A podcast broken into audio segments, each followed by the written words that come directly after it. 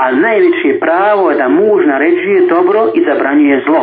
Da je on taj koji naređuje dobro i zabranjuje zlo. I žena normalno treba, ali u porodici, zato Allah naređuje poslaniku i kaže وَأْمُرْ أَهْلَكَ بِسْصَلَاتِ وَسْتَبِرَ عَلَيْهَا Allah je dak, a, us, naređuje svojoj, svojim ženama, odnosno svojoj porodici namaz i ustraj u tome, budi saburli. Dakle, Allah je naredio poslaniku, ali i sam da naredi porodici, to je se ženama namaz, a preko njega svi muškarcima da naređuju svojim ženama, na taj način muž biva u kući onaj koji naređuje dobro, a zabranjuje zlo. I kada vidi dobro, posjeće ženu da ga radi, pomaže i da ustraje u tom dobru, a kada vidi kako, kako, kako zlo ili, ili, ili munker upozorava na njega, zabranjuje ga, on je glava porodice, ne da da se to proširi.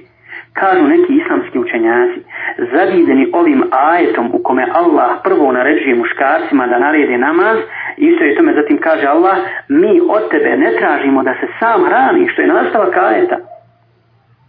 Lanes eluke rizka. Kažu, nema ni jednog muškarca koji naređuje dobro u porodici i zabranjuje zlo.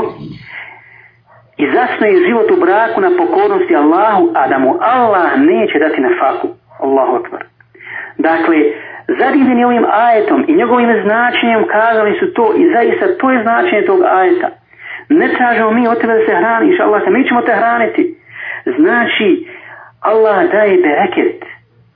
Hoće da se kažem ajetom, kao da je ustrajnost u Allahu, u Allahu naredna put ka beričetu, ka risku, ka hajru, ka blagostanju, ka harmoniju u muslimanskoj kući. I na ženi da izvršava naredbe i Allaha Đelešanu i Allahu Đelešanu zato da zahvaljuje uh, na, na, na takvom mužu. Zato je vas svijet dobrih prethodnika kada se traži žena, da se traži pobožna i čestita žena, čestita kako smo prije kazali. Ako muž ne ispušti ova prava i ne bude nadađivo ženi da izvršava Allahove naredbe, Allah će ga poniziti u njegovoj vlastoj kući i sa ženom i sa djecom. I takvog će, takvog će vidjeti, vidjeti u društvu, bez obzira kako, kakav, njegov, kakav njegov izgled, izgled bio.